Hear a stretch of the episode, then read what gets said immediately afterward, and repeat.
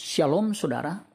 Renungan hari ini berjudul Orang Biasa, Wahyu 21 ayat 27. Tetapi tidak akan masuk ke dalamnya sesuatu yang najis atau orang yang melakukan kekejian atau dusta. Tetapi hanya mereka yang namanya tertulis di dalam kitab kehidupan anak domba itu dengan tegas dan jelas dikatakan orang yang najis atau orang yang melakukan kekejian atau dusta tidak akan masuk ke dalam Yerusalem baru.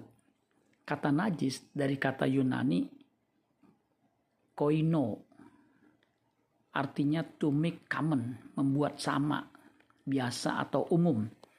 Kata koino dari kata koinos artinya common, keadaan biasa atau lazim atau umum orang biasa atau koinos tidak akan masuk ke Yerusalem baru. Sesungguhnya orang percaya adalah orang yang istimewa. Yohanes 1 ayat 12. Tetapi semua orang yang menerimanya diberinya kuasa supaya menjadi anak-anak Allah, yaitu mereka yang percaya dalam namanya.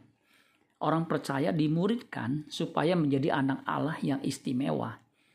Untuk itulah Allah mendidiknya sehingga menjadi anak yang sah sebagai pangeran yang mengambil bagian dalam kekudusannya. Ibrani 12 ayat 5 sampai 10. Jika orang percaya tidak bersedia dididik, maka ia adalah orang biasa. Apalagi ia melakukan kekejian dan dusta.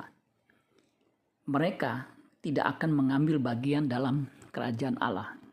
Amin buat firman Tuhan. Tuhan Yesus memberkati. Sola Gracia.